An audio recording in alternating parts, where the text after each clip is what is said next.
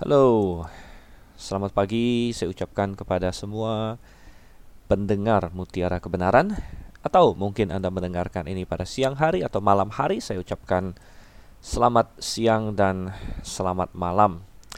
Tetapi kapan pun dalam kondisi apa pun Saya harap dan berdoa bahwa kasih karunia Tuhan Yesus Kristus menyertai kita semua Dan kita dalam keadaan yang baik Tubuh, jiwa, dan pikiran kita di dalam pemeliharaan Tuhan. Amin. Iya. Anda masih bersama dengan saya Dr. Stephen Einstein Liao dan kita sedang dalam program Mutiara Kebenaran. Kenapa kita sebut Mutiara Kebenaran? Karena kita menganggap kebenaran sebagai sesuatu yang sangat berharga bagaikan mutiara. Tuhan Yesus pernah memberikan suatu perumpamaan di dalam Injil. Dia berkata bahwa hal kerajaan sorga bagaikan seorang pedagang yang menemukan suatu mutiara yang sangat berharga sehingga dia menjual semua miliknya dan membeli kebenaran, membeli mutiara itu.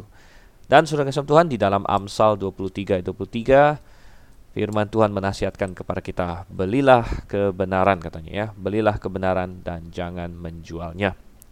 Oke, dalam program Mutiara Kebenaran kita akan membahas satu pasal Alkitab tiap harinya kira-kira Memang kalau pasalnya sangat pendek, uh, kadang-kadang uh, bisa kita gabung ya beberapa pasal dalam satu hari. Tetapi uh, sampai dengan kitab ulangan, kita sampai di kitab ulangan di sini rata-rata pasalnya cukup panjang sehingga cocok satu pasal satu hari. Kita sudah sampai di dalam ulangan pasalnya yang keempat. Kita berharap bahwa secara sistematis, secara konsisten kita bisa menyelesaikan perjanjian lama. Ya, perjanjian lama masih panjang sampai Maleaki, tapi minimal saya uh, memiliki sukacita dan impian bahwa minimal nanti ulangan selesai, maka kita sudah menyelesaikan lima kitab Taurat. Ya.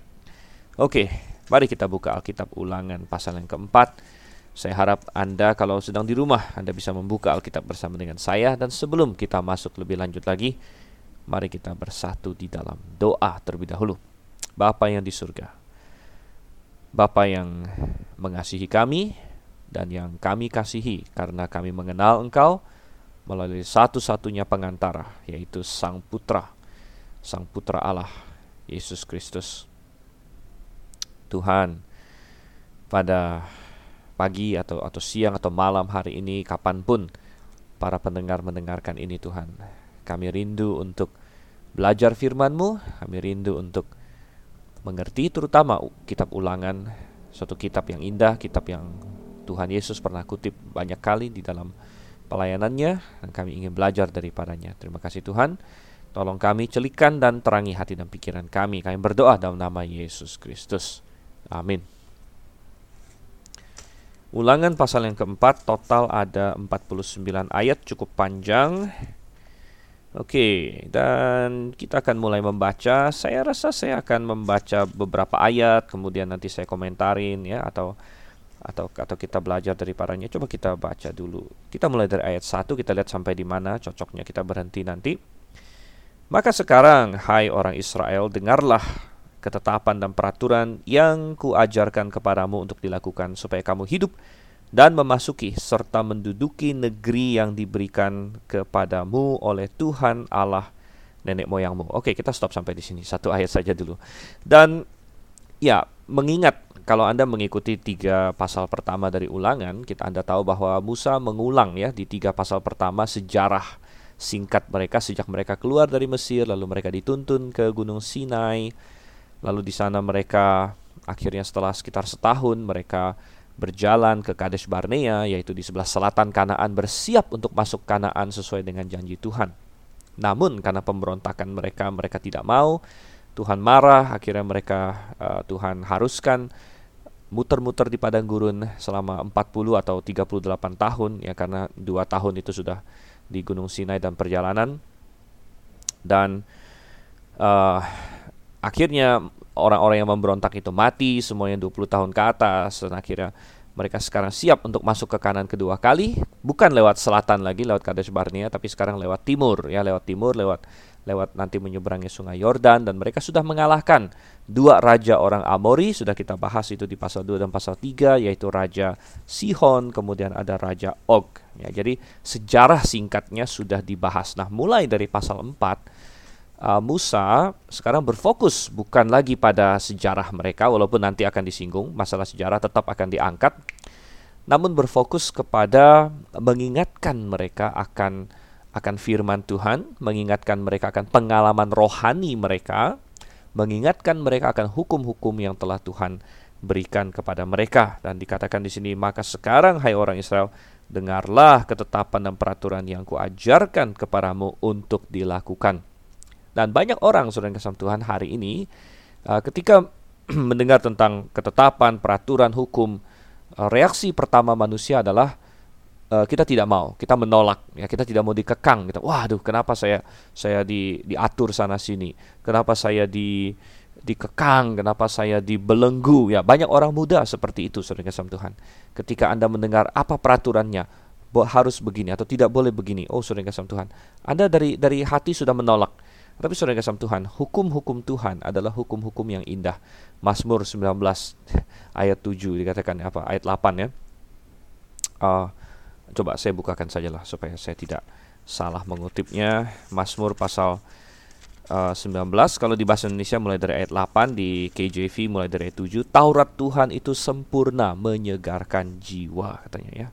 Peraturan Tuhan itu teguh memberikan hikmat pada orang yang tak berpengalaman. Jadi seperti kalau kita kembali ke ulangan pasal 4 di sini, Musa berkata bahwa hukum Tuhan itu adalah teman kita. Hukum Tuhan itu indah. Hukum Tuhan itu adalah pelita, saudara kasih Tuhan. Mengapa?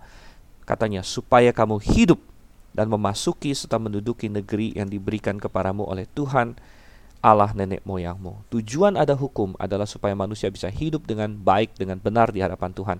Karena hukum itu adalah ekspresi dari Tuhan sendiri. Ketika kita keluar dari hukum itu, kita lepas dari Tuhan. Kita kita menjadi bermusuhan dengan Tuhan. Dan apa jadinya ketika suatu ciptaan bermusuhan dengan penciptanya. Yang terjadi adalah ciptaan itu mati, saudara, binasa. Dengan sendirinya dia akan binasa. Dia tidak lagi memiliki akses kepada sumber kehidupan yang yang menopang eksistensinya. Oh, saudara kasih Tuhan. Dan itu perlu dipahami. Oleh karena itu, kitab ulangan secara keseluruhan dan pasal 4 terutama, uh, tema, dua tema besar yang akan muncul adalah masalah kasih dan ketaatan. Kasih dan ketaatan. Tuhan menunjukkan kasihnya kepada manusia. Dia memberikan hukum kepada manusia itu adalah kasih. Dan nanti kita akan lihat di ayat-ayat selanjutnya juga di mana Tuhan menyatakan kasih yang luar biasa. Tetapi tema yang satu lagi adalah ketaatan. Ada kasih, ada ketaatan. Tuhan mengasihi kita, Tuhan ingin kita mengasihi Tuhan. Sebenarnya itulah alasan mengapa Tuhan menciptakan manusia uh, dengan kehendak bebas. Banyak orang bertanya kepada saya, Tuhan sudah tahu Adam dan Hawa bakal jatuh ke dalam dosa atau Tuhan sudah tahu mereka bakal makan buah yang dilarang. Kenapa Tuhan masih ciptakan? Kenapa Tuhan masih ciptakan pohon? Atau lebih parah lagi, kenapa Tuhan ciptakan Adam, gitu kan? Sebenarnya tujuannya adalah Tuhan ingin Tuhan mengasihi makhluk ciptaannya. Dan di antara semua makhluk ciptaannya, dia ciptakan satu yang paling tinggi, yaitu manusia, yang diciptakan menurut gambar dan rupa Allah. Dan ketika diciptakan menurut gambar dan rupa Allah, maka bisa memiliki hubungan pribadi dengan Tuhan yang lebih dalam daripada semua makhluk yang lain. Tidak usah jauh-jauh, contoh manusia. Kita bisa punya hubungan dengan binatang peliharaan. Ya, bisa, saudara. Ada orang punya anjing, punya kucing, punya binatang yang sangat dia sayangi. Tetapi apakah hubungan itu sedalam, sebermakna sesama manusia yang yang satu satu gambar dan satu rupa, ya kan? uh, antara suami dan istri, antara anak dengan ayah.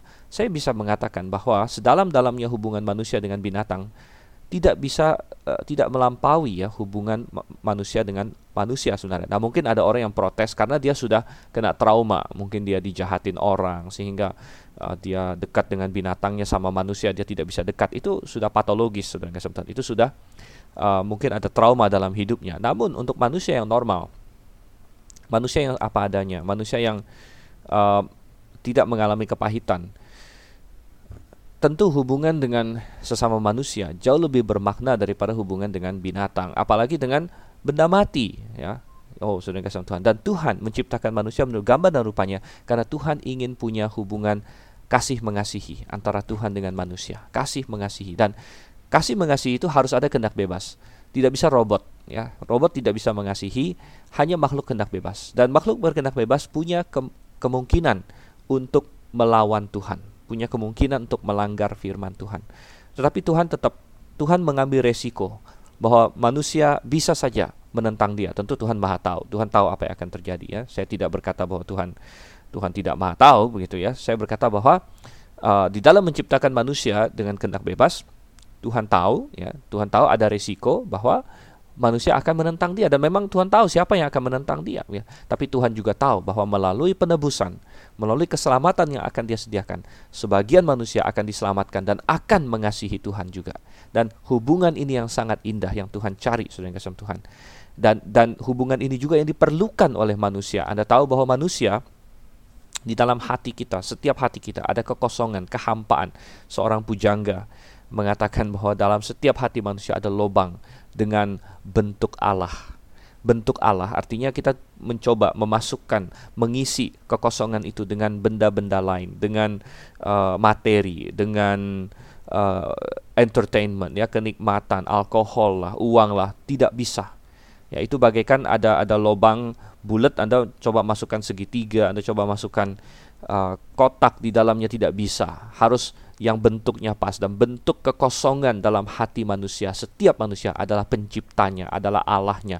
Hanya Allah yang mampu untuk memuaskan keinginan kita yang paling dalam, memuaskan ya rasa keperluan kita yang paling dalam. Hanya Tuhan yang mampu melakukan itu. Dan oleh karena itu Allah mau mengasihi manusia. Allah mau punya hubungan kasih dengan manusia. Manusia memerlukan hubungan kasih dengan Tuhan dan bagaimana cara, bagaimana ekspresi manusia mengasihi Tuhan. Jelas di dalam perjanjian baru di kitab Yohanes misalnya. Tuhan berkata apa? Jikalau kamu mengasihi aku, kamu akan menaati perintah-perintahku. Jadi ketaatan.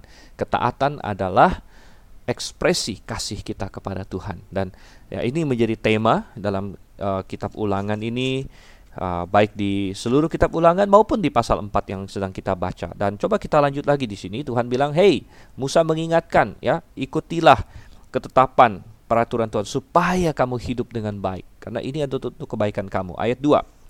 Janganlah kamu menambahi apa yang kuperintahkan kepadamu dan janganlah kamu menguranginya. Dengan demikian kamu berpegang pada perintah Tuhan Allahmu yang kusampaikan kepadamu. Ya, ini adalah suatu prinsip yang sangat baik terhadap firman Tuhan tidak boleh ditambah, tidak boleh dikurang. Firman Tuhan itu murni dan ini ada muncul juga di Amsal. Uh, Amsal pasalnya saya bukakan di sini 30. Coba kita lihat. Amsal 30 ayat yang kelima dan ayat yang keenam saya bacakan. Semua firman Allah adalah murni. Ia adalah perisai bagi orang-orang yang berlindung padanya. Jangan menambahi firmannya supaya engkau tidak ditegurnya dan dianggap pendusta. Konsep yang sama muncul juga di kitab Wahyu di pasal terakhir ya, Wahyu pasal 22 di mana Tuhan memberikan peringatan keras kepada siapa yang mau menambahkan firman Tuhan, Tuhan akan tambahkan malapetaka-malapetaka. Dan uh, barang siapa mengurangi firman Tuhan, Tuhan akan mengambil bagiannya dari dari kitab kehidupan. Jadi saudara yang Tuhan, firman Tuhan tidak boleh kita tambah. Oleh karena itu kita percaya Alkitab ini adalah uh, firman Tuhan yang sudah sempurna. Ya, Alkitab sudah sempurna, kita percaya uh, ini kanon tertutup, begitu. Tuhan tidak lagi menambahkan firman-Nya karena sudah sempurna, tidak boleh kita tambah lagi. Nah, oleh karena itu kita percaya bahwa 1 Korintus 13 ayat 10 bahwa ketika yang sempurna tiba, maka nubuat kita yang tidak sempurna akan berhenti ya. Karena di ayat 8 ayat 9 kan dikatakan, nubuat akan berakhir, ya berkata-kata karunia pengetahuan bukan pengetahuan umum karunia pengetahuan akan berakhir. Berkata-kata dengan bahasa lidah akan berakhir. Dan saudara kasih jadi kita melihat di situ bahwa uh, karena mereka tidak sempurna tidak lengkap maksudnya tidak lengkap ya tidak sempurna itu bukan berarti salah saudara. Nubuat nggak ada yang salah. Ya, jadi tidak sempurna bukan berarti salah. Nubuat kita tidak sempurna katanya tidak lengkap maksudnya di situ ya tidak lengkap. Karena nubuat itu pasti benar ya, tapi tidak lengkap belum lengkap belum. Tapi ketika yang lengkap datang yang lengkap datang maka saudara yang kasih Tuhan uh, itu menjadi yang yang yang tidak sempurna yang tidak lengkap itu dihilangkan tidak perlu lagi. Oleh karena itu hari ini saudara kasih Tuhan ada begitu banyak orang. Hari ini masih salah dalam suatu kesalahan konsep dia pikir Tuhan masih terus kasih wahyu. Ya Tidak, Tuhan Tuhan memimpin nggak? Oh Tuhan memimpin, saudara. Tuhan tetap aktif. Saya yakin Tuhan pimpin saya tiap hari. Tadi pagi saya baru saja baca firman Tuhan, saya merasakan Tuhan menjawab pertanyaan-pertanyaan saya. Kemarin saya ada ada doa sama Tuhan, ya saya saya minta Tuhan untuk menuntun saya dalam hal tertentu. Uh, dan tadi pagi saya baca Alkitab, wah saya dapatkan ini ini salah satu jawaban yang Tuhan berikan. Jadi Tuhan menuntun, saudara. Tuhan menuntun dengan cara menerangi pikiran kita, mengiluminasi kita. Namun Tuhan bukan menuntun dengan cara ngomong lagi langsung, ya, memberikan nubuat lagi. Nah, itu sudah menjadi firman Tuhan yang baru lagi kalau begitu. Dan kalau begitu adanya berarti firman Tuhan tidak selesai-selesai.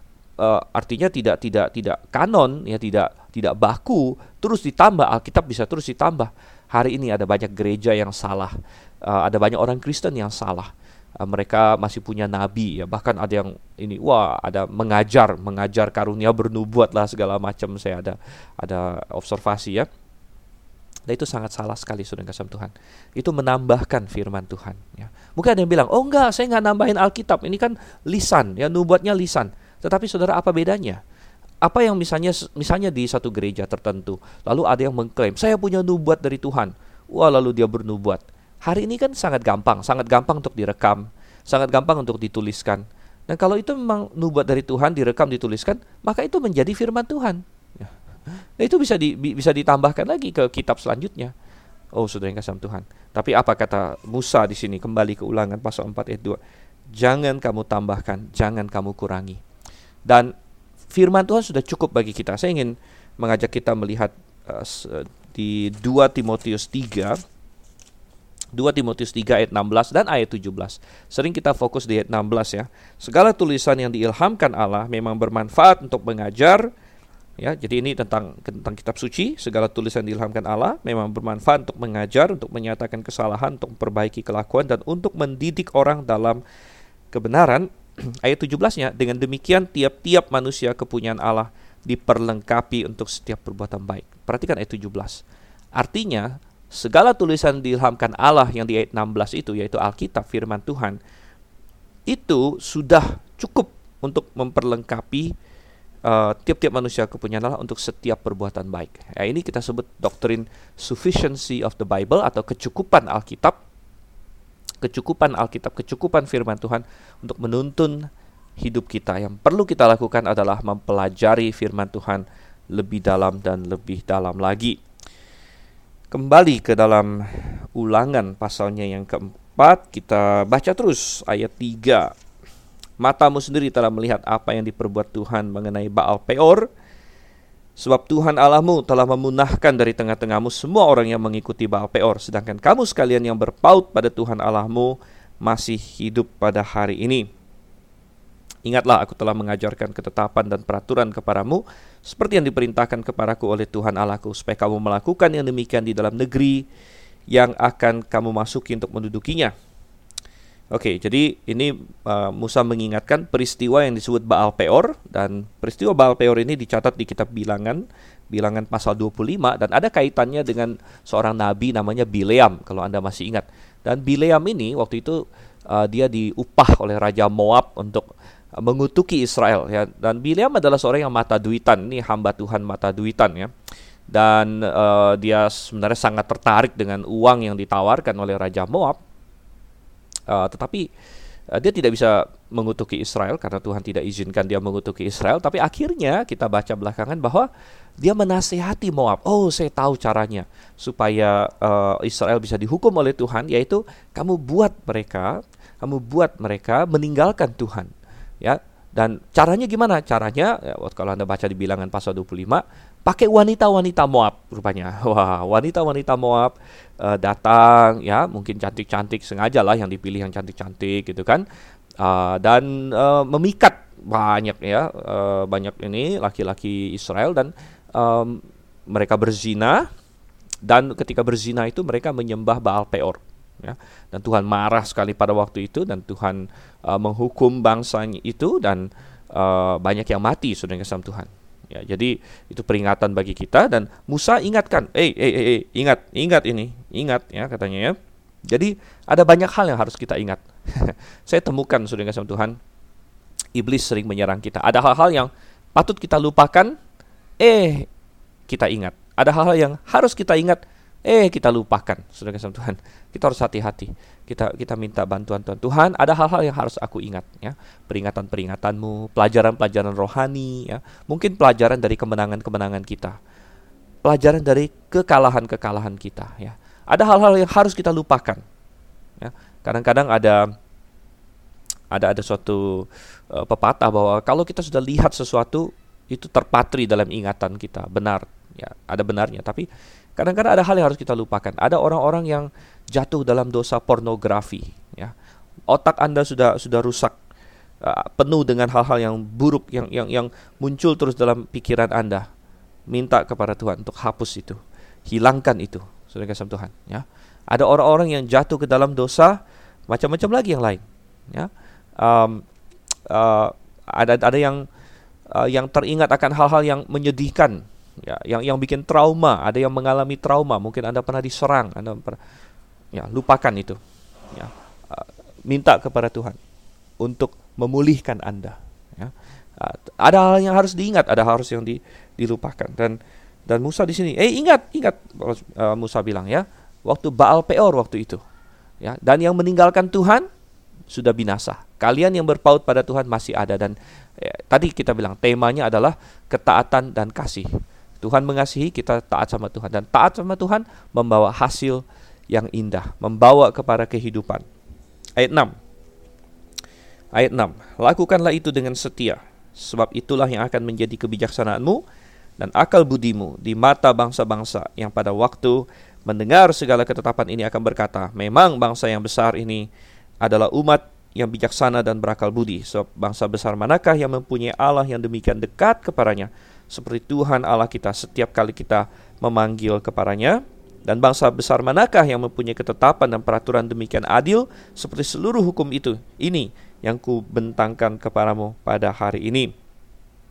Tapi waspadalah dan berhati-hatilah supaya jangan kau melupakan hal-hal yang dilihat oleh matamu sendiri itu dan supaya jangan semuanya itu hilang dari ingatanmu seumur hidupmu. Beritahukanlah kepada anak cucu anak-anakmu dan kepada cucu cicitmu semuanya itu. Oke, kita stop sampai situ aja. Dan ya, ayat 6 Tuhan Tuhan lewat Musa di sini mengingatkan mereka untuk melakukan perintah Tuhan dengan setia dan itu akan menjadi kebijaksanaan dan menjadi akal budimu. Banyak orang bertanya bagaimana caranya menjadi berhikmat. Hmm. menjadi berhikmat itu beda dengan menjadi uh, berpengetahuan, sudah kasih Tuhan, atau berpendidikan. Nah, menjadi berpendidikan gampang. Cara untuk menjadi berpendidikan adalah enyamlah pendidikan. Sekolahlah, maka Anda akan mendapat pendidikan. Itu pun kadang-kadang kita harus hati-hati ya, karena ada banyak sekolah hari ini ya sekolah sih sekolah, tapi sebenarnya nggak mendidik juga begitu. Artinya kacau balau. Tapi oke, okay, kebanyakan sekolah ada pendidikan, ada enyam pendidikan, ada menjadi berpendidikan. Anda bisa mulai dari TK, ya, dari TK, dari SD, SMP, SMA. Saya termasuk orang yang mengenyam banyak sekali pendidikan. Uh, saya ya tentu SD, saya mulai mulai TK sangat muda sekali, umur 4 tahunan. Saya tamat SMA umur 16 dengan kasih Tuhan. Ini kesaksian pribadi saya. Setelah itu saya sekolah kedokteran. Ya, sekolah kedokteran itu 6 tahun. Saya sekolah di UI. Saya selesaikan dalam 6 tahun jadi saya umurnya sampai 22 saya selesai tamat dokter umum. Ya, jadi banyak nggak pendidikan saya. Habis itu saya sekolah teologi, saudara sama Tuhan. Saya sekolah teologi, saya ambil master. Kemudian saya ambil doktor di Amerika, ya, ambil doktor di Amerika. Dan tidak cukup satu doktor, ya. Setelah itu kemudian saya setelah menikah saya ambil doktor satu lagi. Jadi sudah S1, S2, S3. Mungkin kalau ada S, S mungkin saya juga makan S teler. Tapi saudara kesam Tuhan, saya ingin berkata bahwa pendidikan tidak menjamin Anda menjadi berhikmat. Pendidikan tidak menjamin Anda bijaksana karena bijaksana tidak ada hubungan dengan pendidikan. Banyak orang pendidikannya tinggi, PhD, entah entah D D D apalagi ya. Uh, namun bodoh sudah saudara. Bodoh kenapa? Banyak di antara mereka berkata tidak ada Allah. Dan Mazmur berkata, orang-orang bebal berkata dalam hatinya, tidak ada Allah. Ternyata mereka bebal, mereka bodoh, mereka tidak berhikmat. Banyak sudah sama Tuhan. Lalu bagaimana cara untuk berhikmat? Kalau di Yakobus dikatakan apa? Mintalah kepada Tuhan, ya kan? Barang siapa merasa kekurangan hikmat, minta kepada Tuhan. Oke, kita minta sama Tuhan. Tuhan, aku minta hikmat, minta hikmat. Bagaimana cara Tuhan kasih kita hikmat saudara sama Tuhan? Nah, di dalam Amsal, Amsal ya, kitab yang paling banyak bicara soal hikmat. Dikatakan apa? Takut akan Tuhan adalah permulaan hikmat. Saudara, hikmat ada dalam firman Tuhan. Hikmat itu hikmat itu saya definisikan sebagai ya uh, sebenarnya hikmat itu adalah kita mampu membuat keputusan yang sesuai ya untuk setiap uh, untuk setiap insiden atau setiap uh, hal yang kita temui. Itu hikmat sebenarnya. Misalnya Anda ketemu suatu masalah, ada hikmat untuk menyelesaikannya. Anda ketemu suatu pilihan, ada hikmat mana yang harus saya pilih. Itu hikmat Saudara Tuhan. Dan Anda tahu anda tahu dari mana asal hikmat? Asal hikmat adalah kalau kita tahu Tuhan yang mendesain alam semesta ini, dia punya hukum-hukum rohani, dia punya hukum jasmani.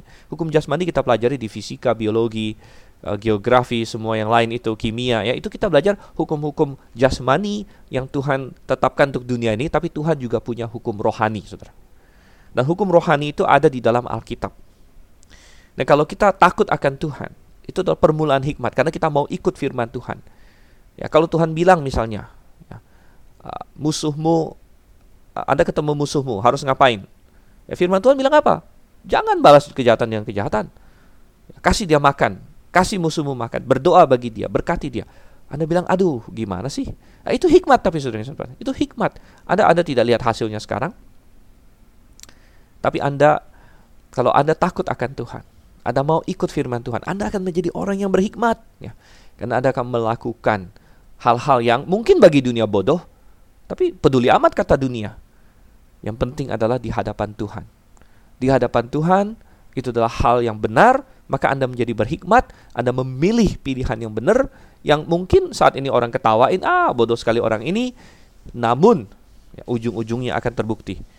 Wah, ternyata ternyata yang dia lakukan itu itulah yang benar. Itulah yang berhikmat. Oh, Saudara Tuhan. Karena kita tidak tahu hari esok. Kita tidak tahu hari esok, tapi Tuhan tahu hari esok. Oleh karena itu, mari kita ikut. Oleh karena itu, Tuhan bilang di ayat yang ke-6 di sini, lakukan itu dengan setia, sebab itulah akan menjadi kebijaksanaanmu dan akal budimu dan sudah sama Tuhan, ketika Israel taat sama Tuhan, maka mereka akan menjadi saksi bagi bangsa-bangsa. Nah, itu dijelaskan di ayat 6 ya. Maka bangsa-bangsa akan akan mendengar pada waktu itu dan mereka akan wow, kagum dengan Israel. Mereka akan melihat, wah, Israel ini hebat sekali Allahnya. Nah, ini sebenarnya tujuan Tuhan. Ketika Tuhan pilih Israel sebagai umatnya, bukan untuk mengeksklusikan, bukan karena Tuhan tidak sayang dengan bangsa-bangsa lain, bukan karena Tuhan hanya ingin menyelamatkan Israel. Sejak di perjanjian lama, Tuhan ingin menyelamatkan sebanyak mungkin manusia. Tuhan tidak berubah. Ya, Tuhan tidak berubah. Kalau di perjanjian baru dia berkata bahwa Tuhan menghendaki semua manusia untuk untuk diselamatkan. Demikian juga di perjanjian lama. Tetapi Tuhan memilih Israel justru adalah karena dia mengasihi semua bangsa. Dia ingin Israel menjadi anak sulungnya, menjadi saksinya, sehingga semua bangsa kenal Tuhan lewat Israel. Itu adalah desain Tuhan. Itu adalah desain Tuhan. Sama seperti kalau hari ini kita orang Kristen, Tuhan ingin orang tahu Tuhan lewat kita sebagai orang Kristen. Kenyataannya apa? Kenyataannya sering orang Kristen malah membuat malu nama Tuhan. Ya. Ada orang yang namanya Kristen, namun apa yang terjadi? Masuk penjara. Jadi penjara tidak kekurangan orang dengan nama Kristen. Petrus, Markus, ya. apalagi ya Barnabas, Yusuf segala macam. Banyak orang dengan nama-nama Kristen di penjara sudah kasih Tuhan. Itu memalukan tidak? Memalukan. Tapi seperti Israel, Israel Tuhan ingin dia menjadi uh, pelita, saksi bagi bangsa-bangsa, sebagaimana di 6 di sini. Ya, bangsa-bangsa akan mendengarnya. Dan ini sempat terjadi. Kita masih ingat ratu dari negeri Sheba. Ya, sampai jauh-jauh datang untuk mendengar hikmat Salomo. Nah, dan mereka akan berdecak kagum di ayat 7, bangsa besar mana yang punya Allah seperti ini. Dan mereka akan mau mau mengenal Allah yang besar itu. Yang yang mempunyai hukum yang begitu adil di ayat yang ke-8. Ya, hukum Taurat itu suatu uh, suatu dokumen yang tidak ada taranya dibandingkan dengan semua dokumen kuno lainnya. Dan yang paling penting ayat 7. Allah ya, Allah yang begitu dekat sehingga kita bisa memanggil kepadanya. Oh, sudah sama Tuhan. Banyak dewa-dewi lain. Kalau mau datang ke dia itu kayak ini, kayak susah banget begitu. ya harus kasih korban ini. Kalau Anda pergi ke dukun, ya jangan ya, jangan pergi ke dukun. Tapi kalau kalau Anda punya pernah punya pengalaman ke dukun, itu nggak nggak gampang, sudah kasih Tuhan. Mau ketemu dengan dewanya itu nggak gampang. Ada banyak syaratnya. Anda harus bawa yang aneh-aneh lagi. Entah di darah darah anjing hitam lah, entah apalah, jengger ayam yang kuning lah, entah segala macam dia bikin ini aneh-aneh ini itu ya. Wah, baru Anda ketemu dewanya. Nah, itu iblis, Tuhan. itu iblis. Ya, tetapi apa? Dengan Tuhan yang benar, katanya. Bangsa mana yang seperti ini? Yang yang Allahnya sedemikian dekat sehingga kita bisa panggil dia. Apalagi di zaman perjanjian baru, saudara. Ini di zaman perjanjian lama saja Israel sudah begitu indah. Apalagi di zaman perjanjian baru di mana Yesus Kristus sudah datang. Sang putra menyatakan sang Bapa dan kita yang percaya kepada Yesus Kristus. Kita punya akses langsung kepada kepada tahta kasih karunia. Saya heran kalau ada orang Kristen yang tidak tiap hari datang menghadap ya karena Tuhan begitu dekat. Tuhan bilang, Janganlah hendaknya kamu khawatir akan apa pun juga. Tetapi katanya apa? Nyatakanlah dalam segala hal keinginanmu kepada Allah. Dalam doa dan permohonan dengan ucapan syukur ya. Maka damai sejahtera Allah yang melampaui segala akal akan memelihara hati dan pikiranmu dalam Yesus Kristus. Oh, saudara kasih Tuhan. Betapa indah, betapa indah. Lanjut saudara. Ayat yang ke 9. Nah, kita diingatkan, waspada hati-hati, kamu jangan lupa akan semua ini. Tapi satu hal, bukan hanya kita tidak boleh lupa, tapi kita harus memastikan bahwa pelajaran rohani kita, bahwa bahwa iman rohani kita diteruskan kepada anak cucu kita. Ya, beritahukanlah kepada anak-anakmu, kepada cucu-cucumu. Ini adalah tanggung jawab yang begitu besar, tanggung jawab bangsa, tanggung jawab rumah tangga. Dan siapa pun Anda, kalau Anda adalah orang tua hari ini, tanggung jawab terbesar kita, ya, bukanlah kasih mereka makan, itu penting memang. Tanggung jawab terbesar kita bukanlah kasih mereka uh, baju atau mainan yang bagus ya kalau Anda lakukan itu, bukan untuk menyekolahkan mereka bahkan. Ya. bukan menyekolahkan mereka, tapi tanggung jawab utama kita adalah memastikan bahwa pengenalan akan Allah yang benar diteruskan kepada mereka karena itu yang paling penting. Itu yang paling penting, paling utama sudah kasih Tuhan. Uh, saya dan istri kebetulan memutuskan untuk homeschooling ya homeschooling di keluarga saya sendiri. Uh, bukan berarti semua orang harus homeschooling. Menurut saya tiap-tiap keluarga tentu punya punya situasi masing-masing ya. Uh, tetapi kenapa saya homeschooling ya? Karena saya merasa bahwa uh, lebih lebih efektif bagi saya untuk memperkenalkan mereka kepada Tuhan tanpa distraksi, tanpa sinyal-sinyal uh, yang error ya dari dunia yang membobardir mereka di luar sana. Bukan berarti saya uh, saya mau mengisolasi mereka juga ya. Mereka ada terpapar juga kepada pengajaran dunia, tapi saya tidak mau mereka belum mantap sudah terpapar overdosis gitu. Kalau kita ibaratkan virus di sana ya, yang saya sedang lakukan adalah memvaksinasi mereka dengan kebenaran Ya. Saya mau ajar mereka sesuai dengan sudut pandang Alkitab bagaimana sebelum mereka terpapar oleh dunia. Ya, karena ketika mereka di, di dunia sana, kita tidak tahu apa yang akan mereka hadapi. Mungkin ada teman mereka perkenalkan mereka kepada pornografi. Mungkin ada ada uh, guru-guru mereka yang tidak percaya Tuhan perkenalkan mereka kepada evolusi, mengajarkannya sebagai kebenaran. Uh, teman-teman mereka dengan materialisme lain sebagainya. Dan saya tahu hidup di dunia kita tidak bisa lepas dari semua itu. Kita pasti terpapar ya. Tapi sebelum mereka siap, jangan jangan dipapar overdosis dulu begitu. Ya. Nah, maunya kita kita uh, perkuat mereka dulu. Kita perkuat mereka. Nanti nanti ada waktunya mereka akan terpapar. Ya, kita akan lihat. Nah, ini loh. Ini yang diajarkan oleh dunia. Nggak apa-apa. Nanti setelah mereka sampai pada waktunya, mereka harus buat keputusan sendiri. Nggak mungkin juga saya yang membuat keputusan untuk mereka. Mereka punya kehendak bebas masing-masing. Uh, dan silakan mereka nanti akan Eh, setelah diajar dengan benar, ya mereka harus membuat keputusan mereka masing-masing. Tapi saudara kasih Tuhan, apa pun cara Anda, saya tidak berkata kalau Anda Anda uh, menyekolahkan anak Anda salah, tentu ya itu bisa juga, tapi Anda harus perhatikan apa yang mempengaruhi mereka. Ya, apa yang mempengaruhi mereka. Uh, jangan lepas tangan. Ya, banyak orang tua kan lepas tangan. Ya, saya sudah sekolahkan anak saya, itu kan tugas sekolah. Tidak. Pendidikan rohani bagaimana, saudara kasih Tuhan? Ya, pendidikan rohani bagaimana? Nah, kita lanjut di ayat 10. Yakni hari itu ketika engkau berdiri di hadapan Tuhan Allahmu di Horeb. Jadi ini harus diingat dan harus diteruskan ya.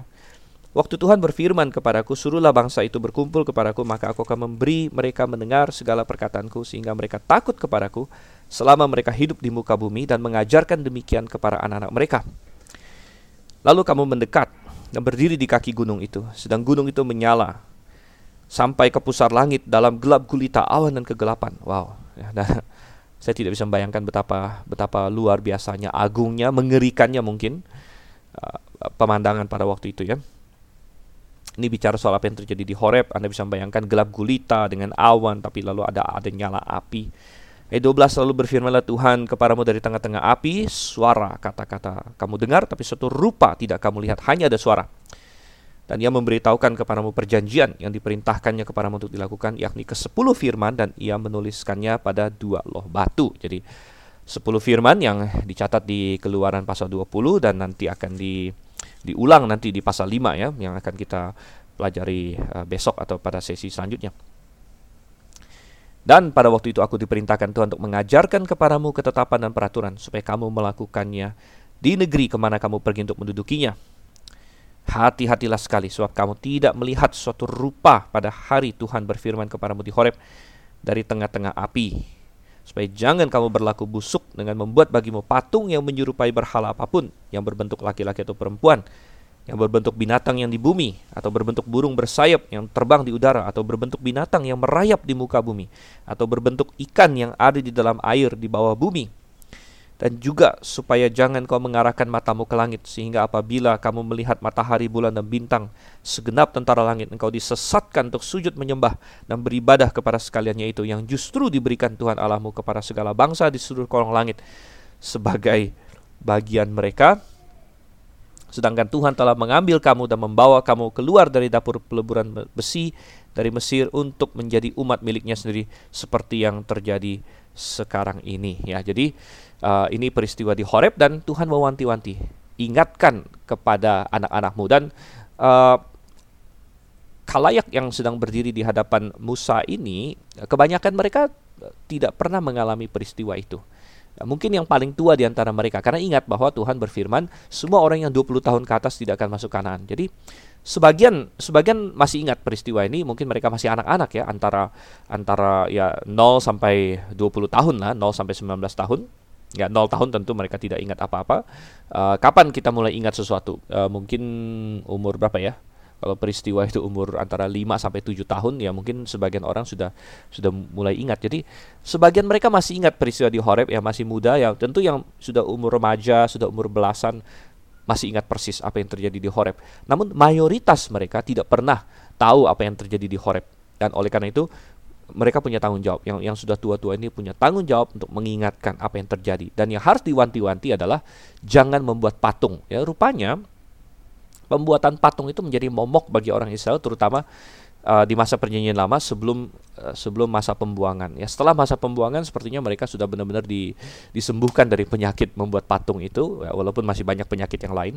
Uh, namun sebelum uh, pembuangan ke Babel ujung-ujungnya kalau kita lihat Israel itu jatuhnya ke dosanya yang sama terus. Penyembahan berhala penyembahan berhala penyembahan berhala.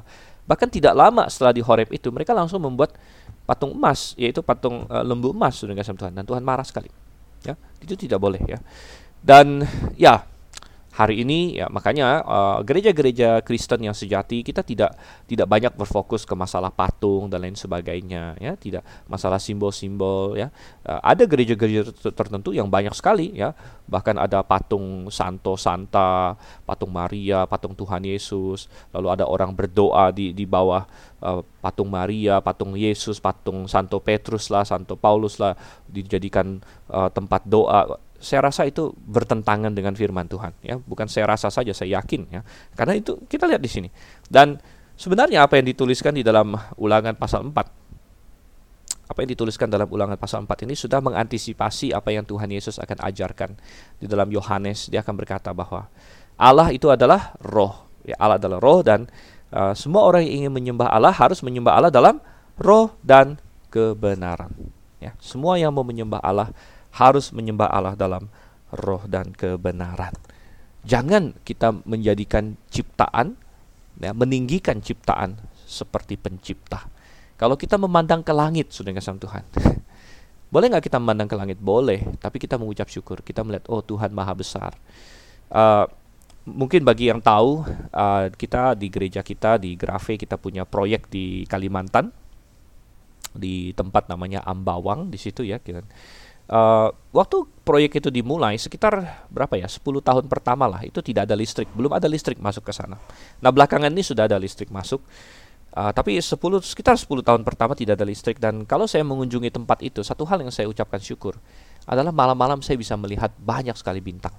Nah ini agak sulit di Jakarta karena di Jakarta ini nomor satu polusi uh, nomor dua terlalu terang ya. Ada banyak sekali lampu-lampu kota. Jadi bintang tidak terlihat. Namun kalau saya di di Ambawang sana saya melihat bintang. Wah, indah sekali. Tapi bukan untuk disembah Tuhan, ya, bukan untuk disembah sebagai Tuhan maksudnya. Ya, jadi kita lanjut lagi ya, ayat yang ke-21.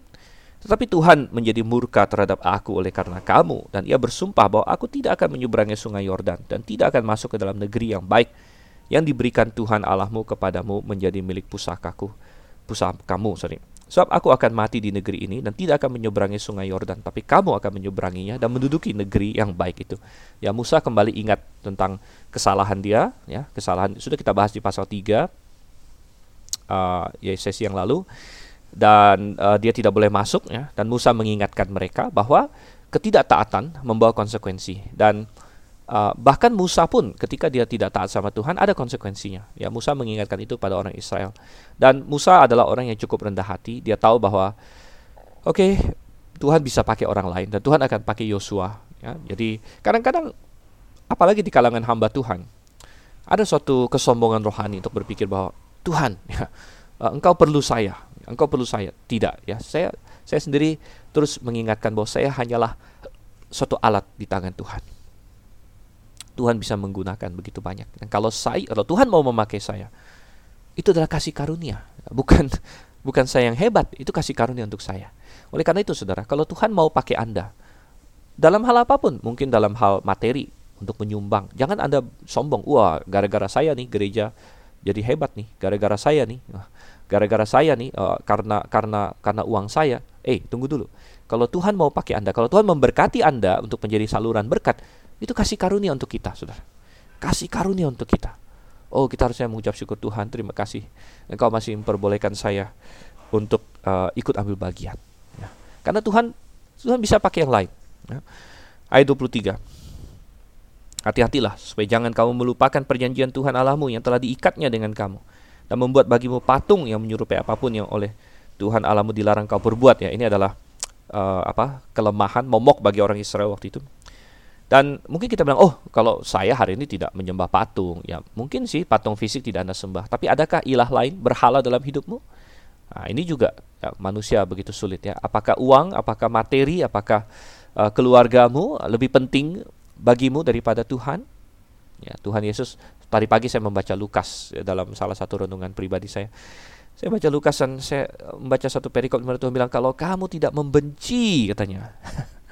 tidak membenci uh, dan kata membenci itu maksudnya apa saudara? Bukan artinya kita disuruh membenci orang tapi maksudnya kita kita mengasihi mereka lebih dari Tuhan. Kalau kamu lebih mengasihi ayahmu ibumu istrimu anakmu laki-laki milik kepunyaanmu lebih daripada aku Tuhan bilang engkau tidak layak untuk menjadi muridku.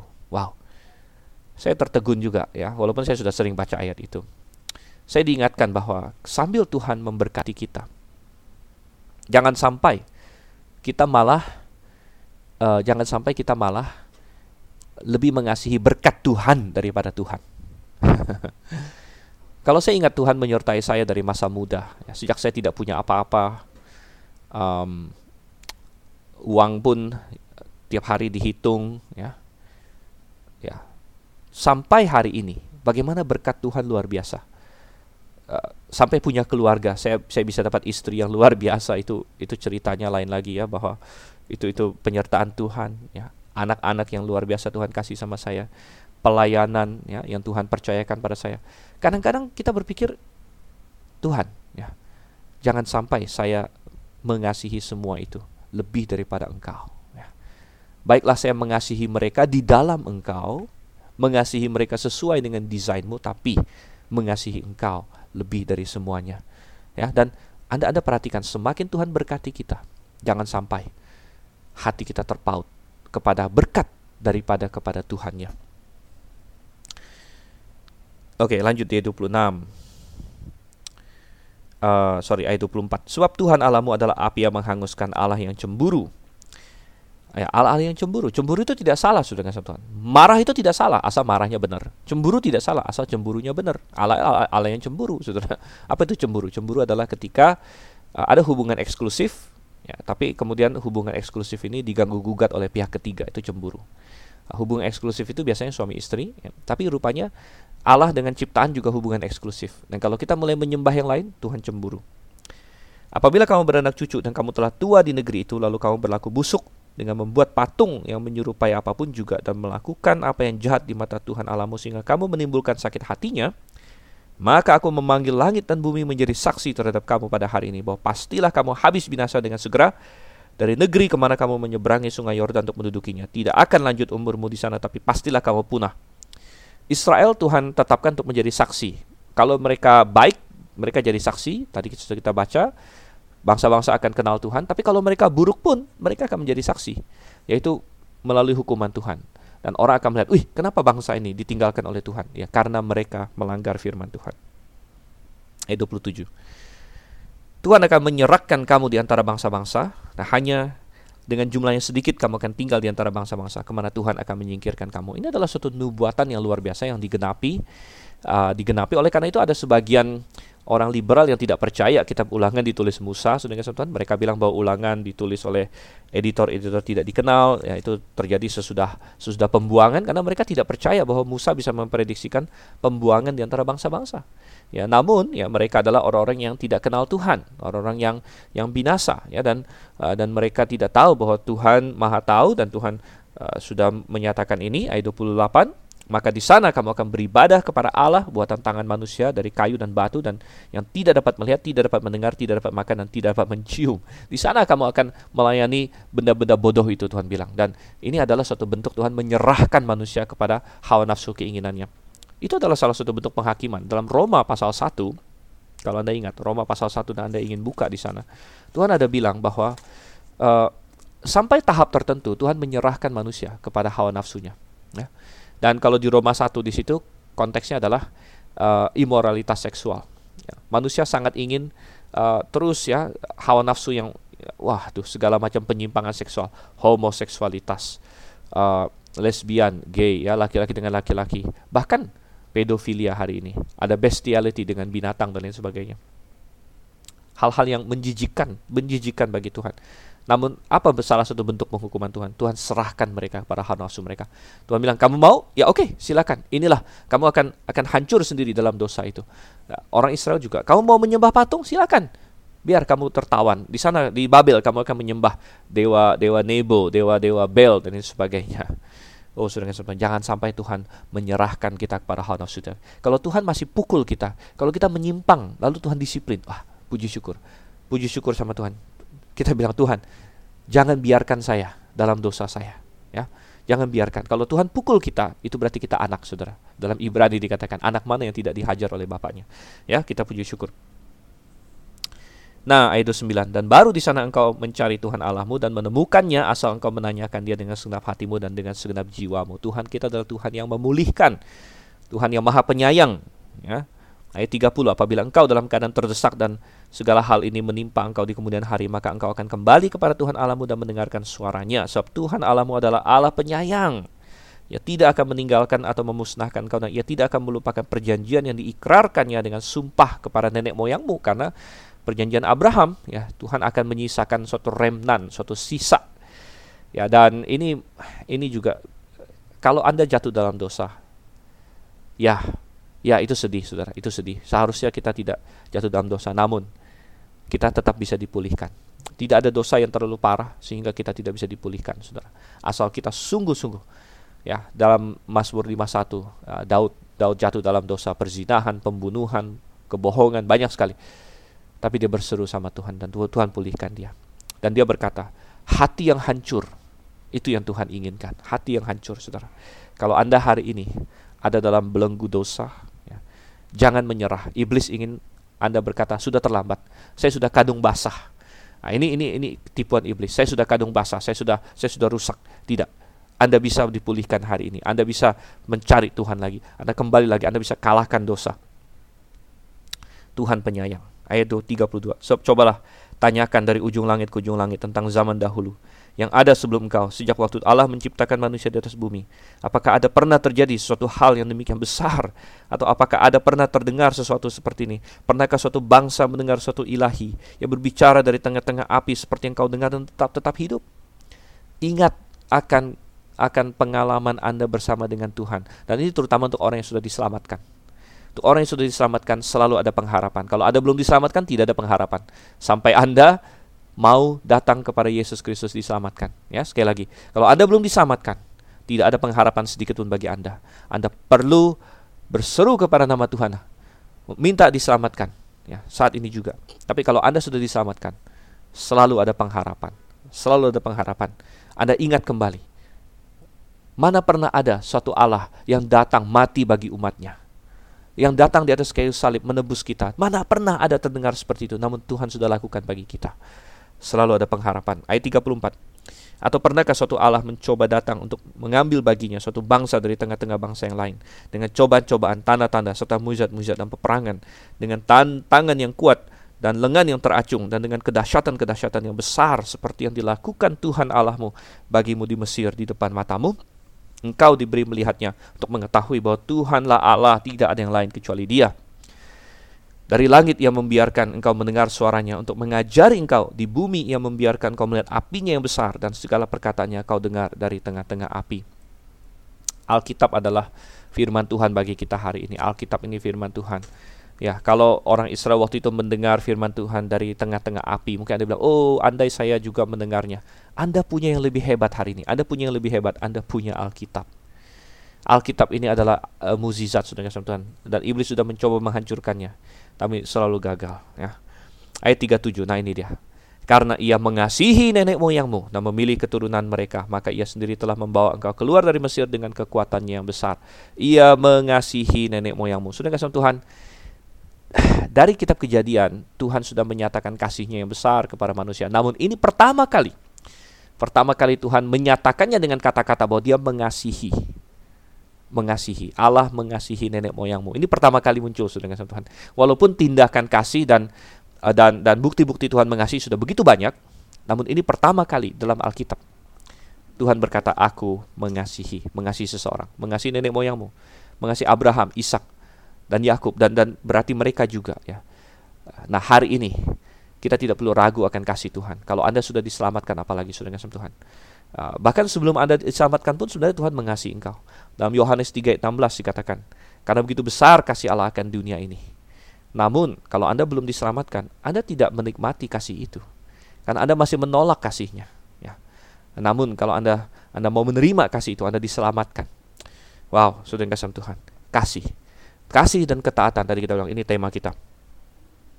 Ayat 38 untuk menghalau dari hadapanmu bangsa-bangsa yang lebih besar dan lebih kuat daripadamu untuk membawa engkau masuk ke dalam negeri mereka dan memberikannya kepadamu menjadi milik pusakamu seperti yang terjadi sekarang ini. Sebab itu ketahuilah pada hari ini dan camkanlah bahwa Tuhanlah Allah yang di langit di atas dan di bumi di bawah tidak ada yang lain. Berpeganglah pada ketetapan dan perintahnya yang kusampaikan kepadamu pada hari ini, supaya baik keadaanmu dan keadaan anak-anakmu yang kemudian, dan supaya lanjut umurmu di tanah yang diberikan Tuhan Allahmu kepadamu untuk selamanya. Apa respon yang baik bagi kita terhadap kasih Tuhan? Ya kita kasihi dia juga. Kalau ada orang mengasihi Anda, mestinya Anda mengasihi dia ya.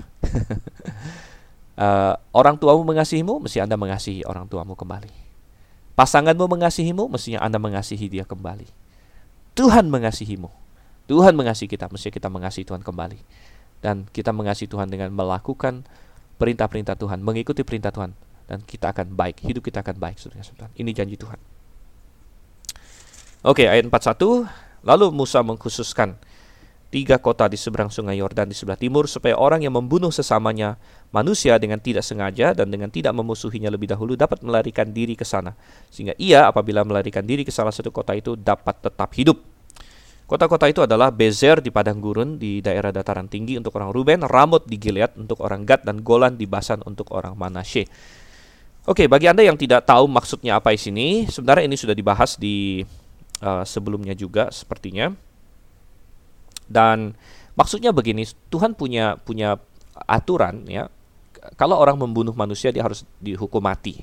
Tapi kalau pembunuhannya tidak sengaja, nah kalau pembunuhnya tidak sengaja, tidak sengaja ini kan macam-macam ya. Ada tidak sengaja karena agak lalai, ya, walaupun tidak mau membunuh tapi mungkin kelalaian, ya, atau yang lain-lain, uh, atau memang suatu kecelakaan aja murni kecelakaan. Tapi apa pun itu, kalau itu bukan suatu pembunuhan yang disengaja, maka orang yang membunuh secara tidak sengaja itu punya hak untuk lari ya untuk lari dari penuntut ya jaksa penuntut penuntut darah. Dan uh, orang Israel harus menetapkan kota-kota ya kota-kota Lewi ya, ditetapkan di situ. Dan uh, orang yang membunuh secara tidak sengaja itu harus lari ke kota salah satu kota itu yang paling dekat dengan dia kemudian diam di sana dan tidak boleh keluar dari kota itu sampai imam besar mati. Kalau imam besar sudah mati berarti dia boleh keluar sudah sudah bebas gitu ya. Dan ya itu suatu sistem yang yang sangat menarik sangat bagus menurut saya dan mestinya mereka uh, menetapkan sekitar enam kota minimal, ya enam kota. Namun di sini kita melihat Musa menetapkan tiga kota. Kenapa tidak ditetapkan enam? Ya karena mereka belum menduduki Kanaan. Mereka kan baru menduduki sebelah timur, timur Yordan. Mereka belum menduduki Kanaan. Jadi nanti ada akan ada tiga kota di timur Yordan, tiga kota di barat. Ya karena mereka belum masuk Kanaan, mereka belum bisa uh, menetapkan semua kotanya. Namun ini memberikan suatu pelajaran bagi kita kalaupun ada hal-hal yang belum bisa kita lakukan dalam ketaatan kita kepada Tuhan, jangan kita tunda-tunda untuk melakukan yang sudah bisa kita lakukan. Ya, sudah bisa kita lakukan. Jadi jangan itu menjadi alasan ya. Misalnya kita bilang uh, atau misalnya bisa, misalnya contohnya begini. Ada orang bilang saya tidak mau uh, percaya Yesus dulu atau mem, ya kalau percaya Yesus sih masalah hati ya. Katakanlah bergabung dengan jemaat memberi diri dibaptis. Ada orang bilang saya tidak mau dibaptis dulu karena apa? Karena um, ini ada keluarga saya belum mau dibaptis. Nanti saya maunya bareng-bareng aja kita dibaptis. ya mungkin itu suatu pemikiran yang ya secara manusiawi oke okay, kita dia mau bareng-bareng. Tapi saudara kita tidak tahu apakah dia akan mau dibaptis atau tidak suatu hari nanti. Bagaimana kalau dia sampai ujung-ujungnya tidak mau dibaptis? Apakah Anda akan menunda ketaatan Anda karena orang lain? Gitu kan? Lebih baik kita punya konsep seperti Musa di sini. Walaupun belum bisa dilakukan semua, yang bisa saya lakukan, saya lakukan. Dia belum bisa tetapkan enam kota, ditetapkan dulu tiga kota.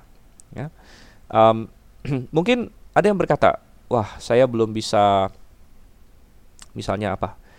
Uh, saya belum bisa uh, berkhotbah. Oke, okay. ya. uh, saya mau berkhotbah tapi saya belum bisa berkhotbah. Tapi saya bisa saya bisa cerita tentang keselamatan saya kepada orang lain. Ya, lakukan saja itu. Lakukan yang Anda bisa lakukan. Sudah kasih. Oke, uh, terakhir ayat 44 sampai 49. Inilah hukum Taurat yang dipaparkan Musa kepada orang Israel. Inilah peringatan, ketetapan dan peraturan yang dikatakan Musa kepada orang Israel dalam perjalanan mereka keluar dari Mesir di seberang sungai Yordan, di lembah di tentangan Bet Peor, di negeri Sihon, raja orang Amori yang diam di Hesibon, yang dipukul kalah oleh Musa dan orang Israel dalam perjalanan mereka keluar dari Mesir negerinya diduduki mereka dan juga negeri Og, raja negeri Basan. Kedua-duanya raja orang Amori yang diam di seberang sungai Yordan di sebelah timur. Mulai dari Arur di tepi sungai Arnon sampai gunung Sirion, itulah gunung Hermon, serta seluruh dataran di sebelah di seberang sungai Yordan di sebelah timur sampai laut Araba di kaki lereng gunung Pisga. Ya, jadi uh, ini memberitahukan kepada kita di mana uh, settingan Musa menyatakan semua yang ada di kitab ulangan ini yaitu ketika mereka ada di sebelah timur sungai Yordan uh, di negeri yang tadinya punya Sihon dan Og ya, dan di situlah Musa mengumpulkan orang Israel dan mengulang kepada mereka menekankan lagi bukan mengulang secara mubazir tapi memberikan penjelasan penekanan uh, dan tambahan-tambahan dan itu akan kita lanjutkan di sesi-sesi selanjutnya. Sangat indah sekali mulai dari pasal 5 nanti tentang ke-10 hukum. Lalu ada banyak lagi hukum-hukum lain yang akan akan diulang. Dan bukan hanya sekedar diulang tapi diperjelas di ada yang baru juga yang yang yang disampaikan oleh Musa. Sangat indah ya. Dan itu akan kita bahas selanjutnya. Kira-kira uh, satu bulan ya karena ada 30-an 30-an pasal ke depan dan saya akan sangat bersuka cita untuk melewatinya bersama dengan Anda sekalian. Oke, kita berdoa. Terima kasih Tuhan untuk kasih setiamu. Tolong kami supaya kami belajar firman-Mu dengan sebaik-baiknya. Kami ucapkan syukur dalam nama Yesus Kristus. Amin. Sampai bertemu kembali di sesi selanjutnya. Maranatha.